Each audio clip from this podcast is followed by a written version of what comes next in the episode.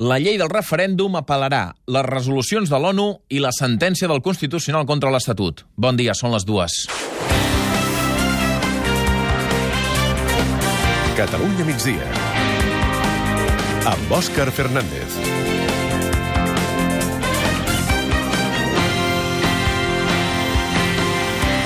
El matí de Catalunya Ràdio ha tingut accés al preàmbul i als tres primers articles d'aquesta llei que ha de donar empara legal al referèndum de l'1 d'octubre i que estan redactant Junts pel Sí i la CUP. A banda d'invocar la legislació internacional que avala el dret d'autodeterminació per donar cobertura al referèndum, aquesta llei també afirma que Catalunya és un subjecte polític sobirà que exerceix el dret a decidir lliurement i democràticament la seva condició política. I, a més a més, en tercer lloc, aquesta llei dona empara explícitament als funcionaris i ciutadans que s'impliquin en el referèndum. Demà tindrem totes les dades d'aquesta llei. Avui hem tingut aquest avançament que us ha fet el matí de Catalunya Ràdio. Però, paral·lelament, avui mateix hem sentit el primer membre del govern que posa en dubte que es faci aquest referèndum. Eva Comte, bon dia. Hola, Òscar, bon dia. Ha estat el conseller d'Empresa, Jordi Baget, del PDeCAT. En una entrevista al diari El Punt Avui, ha dit que probablement no es podrà fer el referèndum de l'1 d'octubre per la força que té l'Estat i que el que s'haurà de fer és una consulta similar a la del 9-N. Sí, Baget també ha afirmat que una part del govern no participa en les decisions sobre el referèndum i que ell aguantaria anar a la presó però no que li toquessin el patrimoni. Com podeu suposar, avui l'home més buscat del dia és Jordi Baget, el conseller d'Empresa, que tenia un acte i s'ha reafirmat en aquesta postura. Barcelona, Nàtia Dell, bon dia. Hola, bon dia. Uh, el Baget veu, no creu que hagi de posar el seu càrrec a disposició perquè pensa que no ha estat deslleial amb el govern. Jo crec que no m'he comportat d'una manera deslleial. Simplement el que apuntàvem en aquesta conversa és que hem de tenir i hem d'estar preparats per les respostes del govern de l'Estat. Simplement és això. Per tant, no, no ho veig.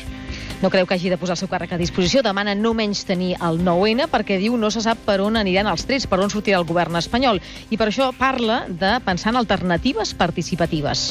Molt bé, doncs és la postura del conseller Jordi Baget, que la manté, tot i que ja ha rebut, ha rebut la resposta, per exemple, des d'Esquerra Republicana, per boca de Sergi Sabrià. Aquesta por que cadascú pot sentir a dintre seu, el que no pot fer és eh, no fer-lo actuar, i diríem que fins ara hem estat fent els passos, els hem de continuar fent, tots conjuntament amb el convenciment que allò qui té a guanyar el país és molt més que allò qui pot perdre un de manera personal. Paral·lelament, la CUP ja ha demanat la dimissió de Jordi Baget perquè una de dos, o té por, diu, o no està prou compromès amb el referèndum. Veurem com evoluciona tot plegat. Mentrestant, a Madrid, el govern espanyol ha aprovat avui en un Consell de Ministres extraordinari el sostre de despesa per l'any que ve, és a dir, el màxim que es poden gastar les administracions públiques. Aquest sostre se situarà al voltant dels 120.000 milions d'euros. És un 1,3% més que enguany. Madrid Àngels Lafuente, l'executiu del PP, també ha revisat el creixement de l'economia espanyola per aquest any. Sí, revisió esperada i anunciada que avui ja és oficial. L'economia espanyola creixerà aquest any tres dècimes més del que estava previst, fins al 3%, i pel 2018 es preveu que se situï en el 2,6%. Previsions que el ministre Luis de Guindos considera del tot assumibles. Sería una estimación, una estimación muy, muy, muy prudente y perfectamente eh, alcanzable y sería muy difícil, sería muy extraño que nos fuéramos por debajo de ese nivel del 3%.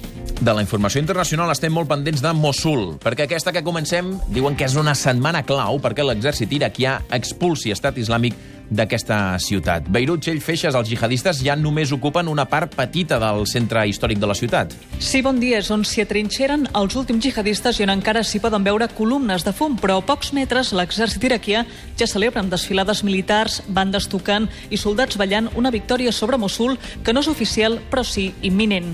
I mentrestant, Alemanya, França i Itàlia han llançat avui una proposta conjunta. Volen que es creï un codi de conducta que limiti i controli les ONGs que rescaten refugiats i migrants al Mediterrani. Creuen que arriben massa migrants als seus ports. I també a Alemanya, 18 persones haurien mort en un accident entre un autocar i un camió que també ha fet 31 ferits. L'autocar s'ha incendiat totalment després d'haver picat per darrere contra el camió i per això s'està pendent de confirmar el nombre de víctimes mortals. Berlín, Oriol Serra, bon dia. L'accident ha tingut lloc a les 7 del matí quan l'autocar ha xocat per darrere amb un camió articulat que circulava a poca velocitat en un punt de l'autopista on hi havia retenció. L'autocar que transportava un grup de jubilats s'ha incendiat a l'instant. I de tornada a casa nostra, una operació conjunta de la Policia Nacional i dels Mossos d'Esquadra ha permès alliberar un veí de Lloret de Mar a la Selva que va estar 11 dies segrestat. Han detingut cinc persones acusades de formar part d'un grup criminal de l'Europa de l'Est que va demanar a la família de la víctima d'origen serbo-croat un milió i mig d'euros de rescat. N'ha parlat a Catalunya Ràdio la portaveu de la Policia Nacional, Laura Garaboa. Es abordado por varios individuos que vestían además chalecos de policía. Cuando le alcanzan, no solamente le golpean para reducirle, sino que además pues, le tapan los ojos y le administraron eh, bueno, barbitúricos y benzodiazepinas para facilitar su secuestro. I avui dues coses de cultura. La primera, que el govern espanyol ha aprovat el nou cànon digital, que canvia la compensació per còpia privada en les descàrregues als mòbils, CDs i memòries. L'import es carregarà a la compra dels equips i suports digitals. I, d'altra banda, el Conca ha avaluat el funcionament i l'estructura del Palau de la Música Catalana durant els últims 4 anys, ja per tant amb l'equip directiu que va rellevar Fèlix Millet. És el vuitè equipament que analitza el Consell Nacional de la Cultura i les Arts, el Conca. Barcelona, Rosa Bartroli, quines recomanacions li fa? Bon dia. Doncs el Conca recomana que se simplifiqui l'estructura de la governança d'aquesta institució musical perquè així sigui més eficient i transparent i que es defineixi un contracte programa clar amb les institucions públiques que hi aporten un 12% del seu pressupost. I quan passin 5 minuts de dos quarts serà moment de l'actualitat més pròxima. Començarem a Girona, Clara Jordan.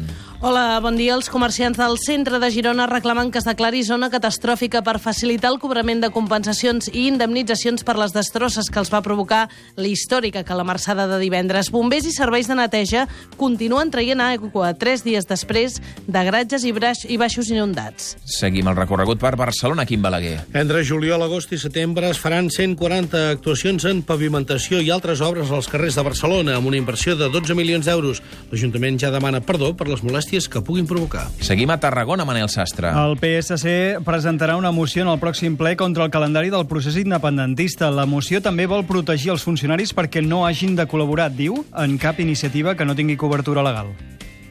I acabarem el repàs a Lleida, Noelia Caselles. Concentració aquest migdia als jutjats de Lleida per reclamar justícia per l'accident mortal d'una noia de les Borges Blanques a la carretera nacional 240. Familiars i amics han reclamat millores a la via, que s'endureixin les penes i que els conductors que van provocar l'accident paguin pels fets. Tots dos declaren ara davant del jutge.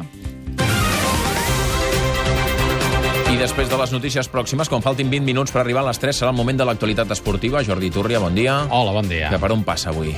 Ter Stegen ha tancat la temporada amb una victòria de prestigi amb la seva selecció. Alemanya ha guanyat la Copa Confederacions amb el porter blaugrana com a millor jugador de la final, tot i que també és cert que el millor porter del torneig ha estat Claudio Bravo. Ho explicarem. També sentirem l'únic tècnic català que hi haurà la temporada que ve a primera divisió de futbol, Manolo Márquez, des d'avui entrenador de Les Palmes. El Mundial de Motociclisme, Wimbledon, el Tour de França també tindran el seu protagonisme a l'espai esportiu d'avui.